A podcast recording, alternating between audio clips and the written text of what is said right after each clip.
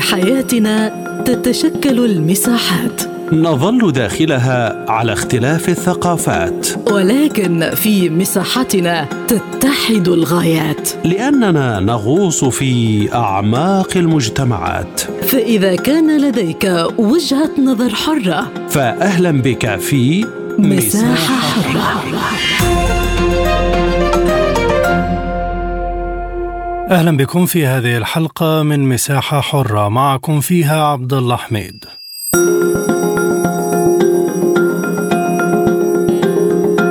تخوفات داخل إسرائيل من أن تنسب لها محكمة العدل الدولية تهما تتعلق بجرائم إبادة جماعية جراء الحرب على قطاع غزة بعدما قدمت جنوب أفريقيا طلبا إلى المحكمة تتهم فيه إسرائيل بالاستخدام العشوائي للقوة والإبعاد القسري للسكان والتحريض على الإبادة الجماعية. تحذيرات داخلية في إسرائيل من الخطر المحدق من خطوة جنوب إفريقيا خاصة وأن المحكمة قد تصدر امرا يلزمها بوقف إطلاق النار في غزة لذلك قررت إسرائيل المثول أمام محكمة العدل الدولية لأن تل أبيب وقعت على اتفاقية مناهضة الإبادة الجماعية منذ عقود ويرى المسؤولون هناك أن لهم حق الرد على الاتهامات الموجهه لهم بعد أن قتل الجيش الإسرائيلي آلاف الفلسطينيين في القطاع ودمر البنية التحتية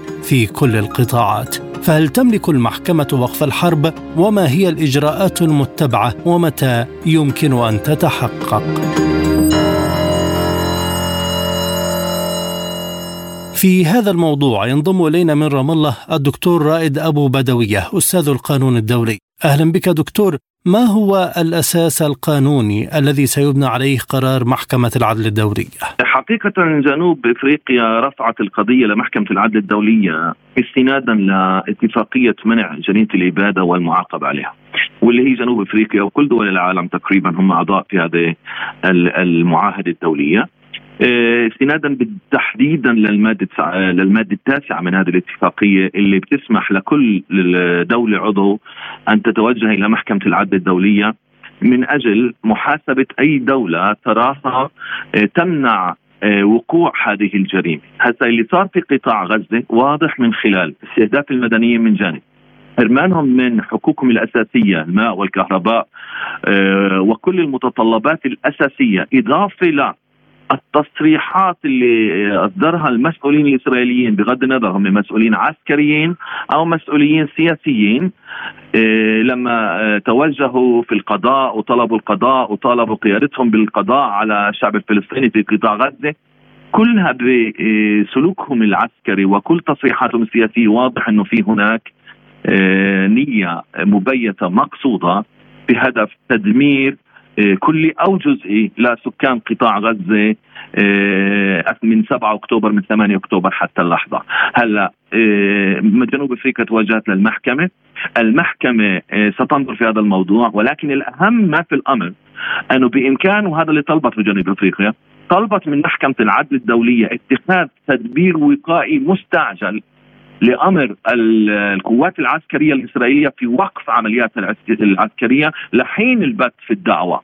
وأعتقد هذا اللي متخوفه منه كثير وزارة الخارجية والحكومة الإسرائيلية من امبارح لليوم في هناك أكثر من اجتماع وقرروا يحضروا ويعملوا مرافعات أمام المحكمة، التخوف إنها تصدر المحكمة قرار مستعجل بوقف العمليات العسكرية على على قطاع غزة. وفي حالة عدم وهذا الحكي ممكن ما يستمرش كثير ممكن يقعد من أسبوعين لثلاث أسابيع. صح راح يصدر قرار مستعجل وفي حالة صدر هذا القرار المستعجل في وقف العدوان على قطاع غزة والعملية العسكرية لحين البث في الدعوة أعتقد هذا من شأنه أنه يحرج مش بس إسرائيل يحرج إسرائيل من جهة ويحرج حلفائها الغربيين وأمريكا تحديدا خاصة أنه آه الأمر متعلق في جريمة إبادة من جانب ومتعلق بأي بأعلى هيئة قضائية من جانب آخر. هذا إضافة إلى الآثار التي ستترتب على هيك قرار إذا صدر من غير المحكمة من خلال استتباعه بإجراءات قد تكون مقاطعة دبلوماسية واقتصادية من قبل كثير من دول العالم والجمعية العامة بحق قوات الاحتلال وبحق دولة الاحتلال من أجل معاقبتها على القليل ومنعها أيضا من ارتكاب هذه الجريمة. لكن دكتور هل قرارات محكمة العدل الدولية ملزمة لإسرائيل؟ طبعا لأنه إسرائيل هي عضو بهذه المعاهدة الدولية والمعاهده الدولية تجيز في نص في المعاهده نفسه يجيز أي دولة إنها تتوجه على المحكمة وهي ملزمة، قراراتها ملزمة، هذا ليس رأي استشاري من محكمة العدل، هذا قرار ملزم، هلا السؤال اللي بيطرح نفسه هل إسرائيل ستستجيب لقرار المحكمة أو لا؟ هذا بيرجع لها وأنا بميل إنه ممكن ما تستجيبش ولكن في هذه الحالة ممكن آه، كل الدول أو جنوب أفريقيا ممكن تتوجه لمجلس الأمن من أجل إجبارها على الالتزام بهذا القرار. بكل الحالات ممكن برضه الامريكا تستخدم حق الفيتو في صدور قرار مجلس الأمن. ولكن أنا بعتقد الأثر السياسي والأثر الدبلوماسي والأثر الحقوقي من من صدور هيك قرار من أعلى هيئة قضائية بعتقد راح يكون له يعني آثار كبيرة على أمريكا من جانب إذا وقفت في جانب إسرائيل في هذا الموضوع وعلى إسرائيل من جانب آخر في حاله امتناعها عن هذا التنفيذ هذا القرار. ما هي ارتدادات عدم استجابة إسرائيل لأي قرار يصدر من محكمة العدل الدولية فيما يخص غزة؟ للأسف الشديد انه ما حدا بيقدر يجبرها، حتى مجلس الأمن ممكن أمريكا تستخدم حق الفيتو في استصدار قرار يجبرها على تنفيذ قرار المحكمة، ميثاق الأمم المتحدة كان واضح في حالة صدور قرار من محكمة العدل الدولية وامتناع الدولة ذات العلاقة عن تنفيذ هذا القرار بإمكان مجلس الأمن أن يتخذ قرار في إجبارها. هل أمريكا ستمرر هيك قرار أو لا؟ ممكن ممكن تمرر وممكن لا. في جميع الحالات يمكن الاستثمار في قرار مثل هيك صدر عن محكمة العدل الدولية على كافة الأصعدة من أجل محاصرة دولة الاحتلال. وأنا بقصد الحصار التجاري والاقتصادي والدبلوماسي والسياسي لهذا لهذه الدولة اللي أصبحت إذا صدر القرار هذا من محكمة العدل أصبحت دولة ترتكب جريمة الإبادة الجماعية بحق الشعب الفلسطيني، هذا يستتبع إجراءات سياسية، اقتصادية، تجارية، دبلوماسية من كافة أعضاء الجمعية العامة في الأمم المتحدة. كيف يستثمر الجانب الفلسطيني إذا هذا القرار المرتقب لملاحقة المسؤولين الإسرائيليين دوليا؟ للأسف الشديد أنا مش شايف في يعني في حراك دبلوماسي فلسطيني كافي متعلق في هذا الأمر. بدليل إن السلطة نفسها لم تنضم إلى جنوب إفريقيا في هذه الدعوة مع إنه كان بإمكانها تنضم لجنوب إفريقيا في هذه الدعوة. هذه الدعوة ممكن رفعها من قبل دولة واحدة وممكن رفعها من قبل مجموعة من الدول.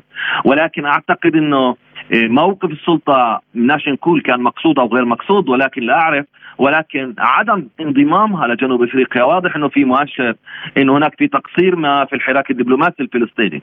هلا موضوع الاستثمار بعتقد إنه بده دراسات حاليا تحضير حاليا من أجل آه، البحث في الاستثمارات سواء بالأدوات الدبلوماسية والاقتصادية والسياسية في مؤسسات الأمم المتحدة كافة في أجهزتها كافة، أنا بعتقد الموضوع قيد التطور وأتمنى إنه السلطة تكون جاهزة في آلية الاستثمار الدبلوماسي وغيرها من الأدوات في في في المجتمع الدولي. لماذا كل هذا التخوف من إسرائيل حول ما سوف يجري من محكمة العدل الدولية؟ التخوف واضح لأنه مش سهل إنك آه، يصدر قرار دولي من أعلى هيئة قضائية دولية تتهم أو آه، تقرر أنه هذه الدولة ارتكبت أو امتنعت عن ارتكاب جريمة إبادة جماعية، هذه وصمة عار في المجتمع الدولي، آه، كثير من يعني الدول آه، ستقف ستفكر مليا في التعامل مع هذه الدولة. أنا بعتقد إسرائيل لا تتخوف من القرار نفسه وعدم امتثال له إسرائيل تتخوف من التبعات الدبلوماسية، التبعات التجارية، التبعات الاقتصادية التي قد تنجم عنه من قبل الجمعية العامة والامم المتحدة تجاه دولة الاحتلال، هذا ما تخشى إسرائيل أكثر ما من من فكرة وقف العمليات العسكرية من عدم. رأينا استجابة فورية من محكمة العدل الدولية، لماذا لم نرى ذلك من المحكمة الجنائية الدولية؟ آه المحكمة الجنائية موضوعها مختلف تماما شوي. المحكمة الجنائية آه، أولا هي أداة بطيئة. في موضوع إجراء التحقيق، المحكمة الجنائية تحاكم أفراد ولا تحاكم دول، فالمحكمة العدل تحاكم الدول وهذا فرق رئيسي بينهم. المحكمه الجنائية آه، أداة بطيئة من جانب وهي لا تتناسب مع الحاجة الطارئة في قطاع غزة حاليا، هذا من جانب، من جانب آخر آه، السيد كريم خان بعتقد آه، كان موقفه شوي غير مهني. أنا بعتقد إنه غير مهني لأسباب كثيرة، اولا السيد كريم خان النائب العام للمحكمة الجنايات جاء آه، بال 2021 جاء وكان في موجود ملف تحقيقي فتح قبل مجيئه من قبل المدعي العام السابقه بن سودا. ومن يوم تماجى لليوم لم يحرك ساكنا في هذا الملف. وهذا كان ملف تحقيقي في موضوع يحقق في انتهاكات الاحتلال بحق آه، الفلسطينيين انتهاكات كثيرة في حق الفلسطينيين. آه، من يوم مجيئه لليوم لم يكن هناك أي تطور جوهري حقيقي على هذا الملف. هذا من جانب. من جانب آخر السيد كريم خان زار آه، رفح المصرية وألقى خطابهم وإذا بتنتبه حضرتك كان خطابه ابتدأ بعائلات الضحايا الإسرائيليين ومن ثم انتقل إلى موضوع آه، عدم إدخال المواد الغذائية يشكل جريمة حرب. وزيارته لرفح المصرية الكل انتبه إنه هي كانت مسبوقة في نفس اليوم في زيارة آه، دولة إسرائيل وزيارة والالتقاء بضحايا أو أهالي الضحايا الإسرائيليين. فواضح إنه زيارة رفح المصرية كانت له بالعروة وبالاضافه هذا من جانب. من جانب آخر أيضا الزيارة اللي عملها بعد تقريبا الزيارة الأولى بأسبوع أو 10 أيام. برضو زار رام الله والتقى بمسؤولين سياسيين فلسطينيين. أيضا كان مدعو آه، في هذه الزيارة من قبل آه، عائلات الضحايا الإسرائيليين والتقى فيهم ابتداء وجاء إلى رام الله ورفض حتى أن يذهب ليشاهد بأم عينه الانتهاكات الإسرائيلية الانتهاكات الإسرائيلية بحق الفلسطينيين من قبل المستوطنين. أنا بعتقد إنه يعني آه، واضح في هناك مؤشرات عديدة آه، بتشير إنه المحكمة الجنائية لن آه، تكون كثير مهنية في هذا الأمر، إضافة لانها أصلا هي أداة بطيئة للتعامل مع الجرائم المرتكبة حاليا في قطاع غزة، هلأ ممكن يكون لقدام ممكن يكون في تطور بس بعد أنا لا أتوقع إنه يكون في تطور إيه، جدي. شكرا جزيلا لك دكتور رائد أبو بدوية أستاذ القانون الدولي كنت معنا من رام الله. من عمان ينضم إلينا الخبير في القانون الدولي دكتور أنيس القاسم، دكتور أهلا بك، كيف تنظرون إلى التخوفات الإسرائيلية من أن تنسب محكمة العدل الدولية لإسرائيل جرائم إبادة جماعية في غزة؟ تخوفات إسرائيل في محلها لأنها أعطتنا البينات الكافية لنيتها في التدمير الكلي أو الجزئي لشعبنا في غزة. عندنا تصريحات رسمية من رأس الدولة ورئيس الحكومة ووزير الدفاع وهو المسؤول الأول عن شؤون الأراضي المحتلة أدلوا بتصريحات هامة وخطيرة وصريحة أن في نيتهم تدمير غزة وسكان غزة. وزير الدفاع الإسرائيلي أعلن وقال رسميا أنه سوف يفرض حصارا على غزة. لا ماء ولا طعام ولا كهرباء ولا دواء. ووصف شعب غزة بأنهم حيوانات بشرية. وهذا نزع صفة الإنسان عنهم تمهيدا لارتكاب مجزرة الإبادة. وبالتالي إسرائيل أعفتنا من البحث عن بينات. هي قدمت لنا البينات وهناك في أكثر من 400 تصريح وبيان من مسؤولين مدنيين وعسكريين إسرائيليين يؤيدون ذلك الاتجاه معنى ذلك أن هناك في سياسة رسمية للدولة تقصد فيها بها التدمير الكلي لشعبنا في غزة. دكتور ماذا تمثل محكمة العدل الدولية على المستوى القانوني حتى تكون ردود الفعل كبيرة داخل إسرائيل؟ محكمة العدل الدولية هي أعلى محكمة في العالم وتتمتع بمصداقية عالية حيث أنها تنبثق عن المنظمة الدولية هيئة الأمم المتحدة وهي جهاز من أجهزة المنظمة الدولية. والقضاه ينتخبون انتخابا ويتمتعون باستقلالية ويمثلون كافة المدارس الفقهية والقانونية في المجتمع الدولي ككل. وبالتالي هم يتمتعون بالاستقلالية وبالعلم وبالثقافة القانونية الكافية لدرس البينات وفحص البينات وفحص والمسائل القانونية والاطروحات القانونية يمكن دراستها دراسة وافية دون تحيز. وتتمتع تاريخيا بنزاهة بارزه يعني متميزه. هناك تحذيرات داخل إسرائيل من صدور قرار من محكمة العدل بوقف إطلاق النار، هل يمكن أن يتحقق؟ نعم يمكن لأنه حسب الاتفاقية الدولية الخاصة بمنع الإبادة الجماعية يحق للدولة المدعية أن تطلب من المحكمة أن تأمر باتخاذ إجراءات وقتية كأن تأمر المحكمة إسرائيل بوقف القصف وبوقف وبرفع الحصار عن المعونات الإنسانية. وهذه الإمكانية قائمة.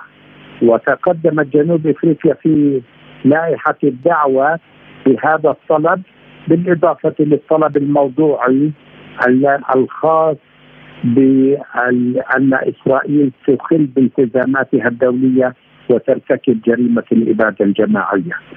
ومن هنا الرعب الإسرائيلي له ما يبرره وهو يثلج صدور كل الشعوب في العالم التي تتظاهر دعما لأهلنا في غزة وإدانة للتصرفات الإسرائيلية ارتكاب هذه الإبادة. إذا كم من الوقت تحتاج محكمة العدل حتى تمضي قدما في إجراءات القضية التي قدمتها جنوب أفريقيا؟ بالنسبة للإجراء التحفظي ربما تستغرق من أسبوع إلى شهر يمكن أو أكثر علما بأن جنوب أفريقيا طالبت المحكمة بأن تنظر في الطلب المستعجل على وجه السرعة وحضت المحكمة على أن تأخذ ذلك بعين الاعتبار سيما وأن المجزره مستمره ويومية ودائمة. أما بالنسبة للموضوع فهذا يعتمد ونحن يعني على بينة من أن إسرائيل سوف آه، تلعب لعبة مداهنة وطويلة واللعب على الإجراءات لإطالة أمد التقاضي وشاهدنا ذلك في قضية تحكيم طابة كيف أن كل نقطة أخذت إسرائيل منها وقتا طويلا وذلك تلافيا لإصدار قرار محكمه التحكيم. وبالتالي نحن لا نستغرب أن إسرائيل سوف تلعب على عنصر الوقت ولكن نأمل أن المحكمة ستكون حاسمه في أن في تلافي هذا الخطر أو التكنيك الإسرائيلي. على المستوى القانوني كيف تتصرف إسرائيل بعد كل ما فعلته في غزة؟ يعني أستغرب إذا إسرائيل طبعا ستقول أنها لم تستهدف المدنيين هي استهدفت حماس ولكن البينه الواضحه لكل من يرى لكل من يشاهد تلفزيون إنه المعضلة الكبرى التي يتصدى لها الناس هم الناس العاديون وليس مقاتلو حماس. والأهداف التي دمرت هي أهداف مدنية. يعني في عندك الآن 70% من قطاع غزة المباني والبنى التحتية والبنى السكنية مدمرة. وهذا لا يبرر تحت أي ظرف هذا التدمير الهائل. نحن نقر ونعترف إنه استهداف الأهداف العسكرية أهداف مشروعة لكن أهداف مدنية محرمة تحريما كاملا بالقانون الدولي العرفي والإنساني منذ 1907 حسب اتفاقيات لاهاي حتى الآن. القانون الدولي لم يتغير في ذلك بالعكس يزيد حمايته للمدنيين ويعلن ويقرر أن الدول المهاجمة إذا اشتبهت أن أن هدفا معينا آه، عليه يعني فيه جانب مدني وجانب عسكري على الدولة المهاجمة أن تعتبره هدفا مدنيا وذلك رعاية للجانب المدني في كل الأحوال. لا تستطيع إسرائيل أن تبرر ترحيل مليون وسبعمائة ألف من أهالي غزة إنها تستهدف مقاومي المقاو... رجال المقاومة. صعب جدا. الجانب الفلسطيني هل باتت له فرصة حقيقية لوقف الحرب على غزة ومحاكمة القادة الإسرائيليين؟ أنا بهمني أحاكم والمحكمة سوف تحاكم دولة إسرائيل. المحكمة الجنائية الدولية تحاكم أفراد. محكمة العدل الدولية تحاكم الدولة.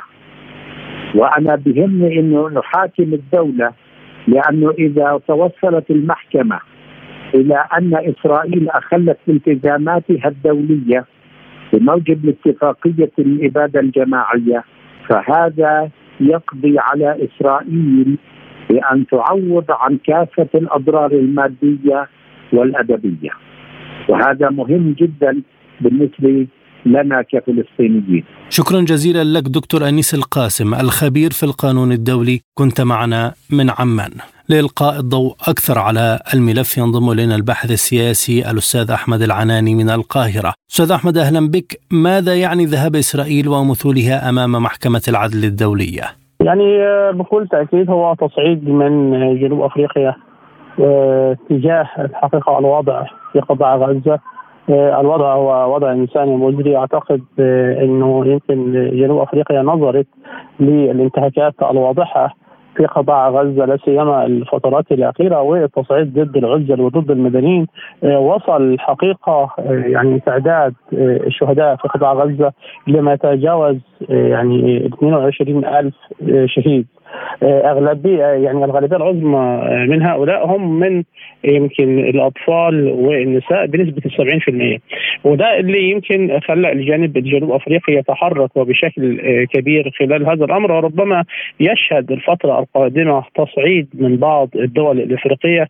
لا ننسى انه مصر يمكن عن طريق وزير خارجيتها لوحد بالذهاب إلى محكمة العدل الدولية فيما يخص هذا الأمر. ربما يعني تصعيد دبلوماسي من وجهة نظري ربما يرتقي في الفترات الأخيرة إن لم يعني ترتع يعني إسرائيل عما تفعله داخل قطاع غزة، هو أنا صعيد تصعيد دبلوماسي وتصعيد سياسي تصعيد يضع الولايات المتحدة الأمريكية في حرج لأن الولايات المتحدة الأمريكية ساندته بشكل كبير الجانب الإسرائيلي. وضع إسرائيل نفسها في حرج أمام المجتمع الدولي اولا عزلة سياسية اولا يعني هي خطوة جريئة بالنسبة لجنوب أفريقيا في واقع الأمر لم تتخذها دول عديدة. ومن ثم يعني أنا شايف إنه إحراج لبعض الدول الفاعلة في المنطقة هذه من ناحية والولايات المتحدة الأمريكية والاسرائيل من ناحية أخرى، اذا هذه الخطوة ستعمق العزلة على نتنياهو وحكومة نتنياهو والتي تريد بأي شكل من الأشكال تحسين وجهة يعني صورتها أمام المجتمع الدولي الذي أصبح يعني يلفظها وأصبح النهارده يتهمها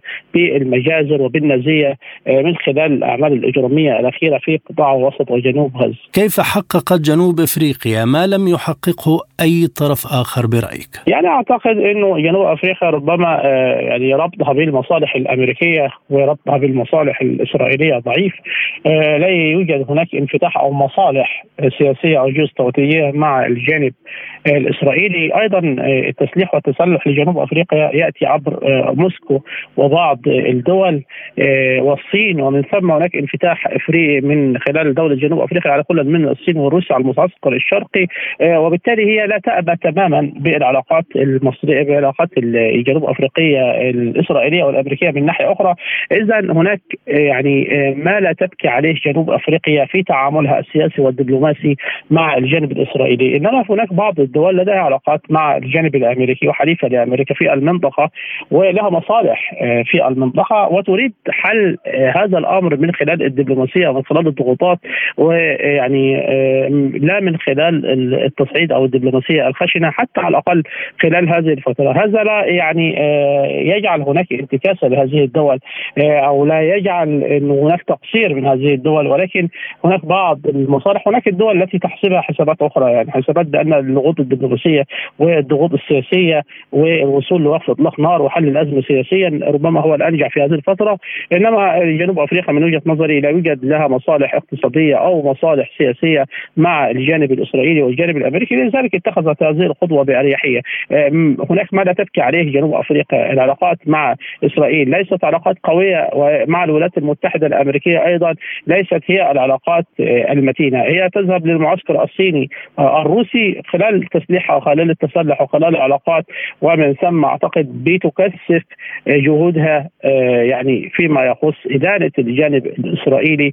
ما ننساش إن هناك حتى ضغوطات من بعض المنظمات المجتمع المدني داخل جنوب أفريقيا على النظام في جنوب أفريقيا. للتحرك آه لوقف هذه المهزلة التي تحدث في قطاع غزه. لماذا تتخوف إسرائيل من إجراءات محكمة العدل الدولية؟ اولا آه إسرائيل لديها تخوف لأنه ما فيش لا يوجد دول اتخذت هذه الخطوة وهي خطوة جديدة على الجانب الإسرائيلي.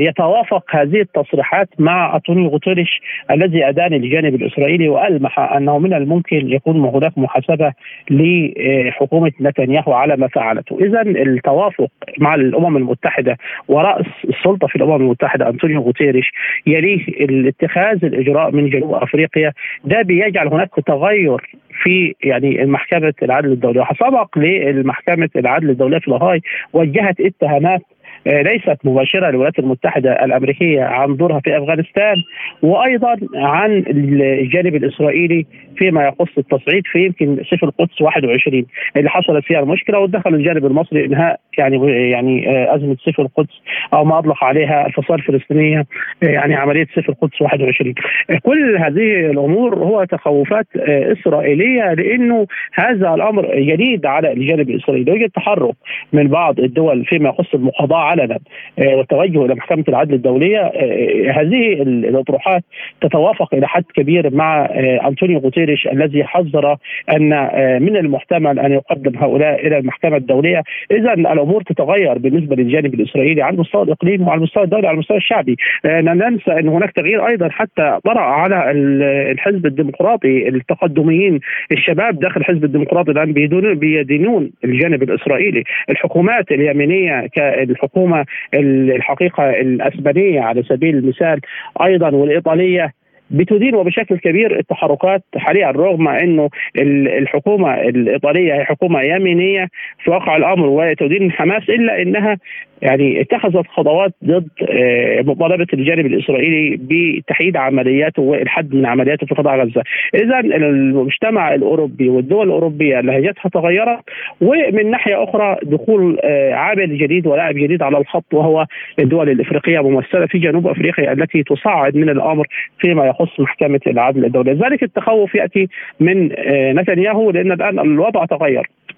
الوضع تغير اقليميا وتغير عبر القارة الإفريقية بالخطوة التي اتخذتها جنوب أفريقيا ويتغير بشكل مستمر مع آراء ومواقف الزعماء الأوروبيين والدول الأوروبية التي الآن يعني تتغير لهجتها باستمرار تجاه الأعمال الإجرامية التي تحدث في قطاع غزه. هل ستكون هذه القضية عاملا لتتجه إسرائيل نحو إنهاء عملياتها في غزة؟ ما نراه الآن هو الاتجاه نحو التهدئة التدريجية ويعني الحد من العملية الإسرائيلية بحيث إن سيكون هناك عمليات ولكن هذه العمليات ستكون عمليات برية، عمليات محدودة، عمليات محدودة تستهدف حماس وقيادات حماس والبنية العسكرية التحتية لحماس فقط، إنما الهجمة الحقيقة بكافة الوسائل المتاحة برا وجوا وبحرا ويعني المشروع الإبادي اللي بتستخدمه حكومة نتنياهو والاجتياح الكامل لكافة القطاعات أعتقد لن تستمر. ومن ثم يعني يعني هذا يدلل على إنه إسرائيل ربما تلجأ إلى الحل الدبلوماسي في التفاوض خاصة المبادرة المصرية التي عرضتها القاهرة وأيضا مبادرة الدوحة الأخيرة.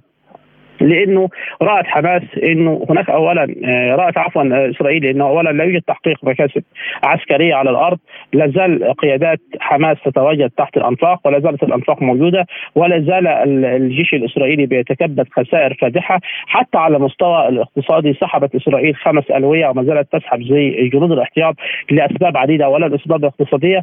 ثانيا إنه شعر نتنياهو بضغوطات من المعارضة الإسرائيلية من يائير لبيد وغيره إنه نتنياهو الحقيقة بيغامر بأرواح الجنود الإسرائيليين وأنه لن يحقق مكاسب وحان الوقت للتفاوض مع إجراء عمليات محدودة. هذه العمليات ستواجه حماس وستواجه العديد والعديد. شكرا جزيلا لك البحث السياسي الأستاذ أحمد العناني. كنت معنا من القاهرة. كما نشكركم على طيب المتابعة. إلى اللقاء.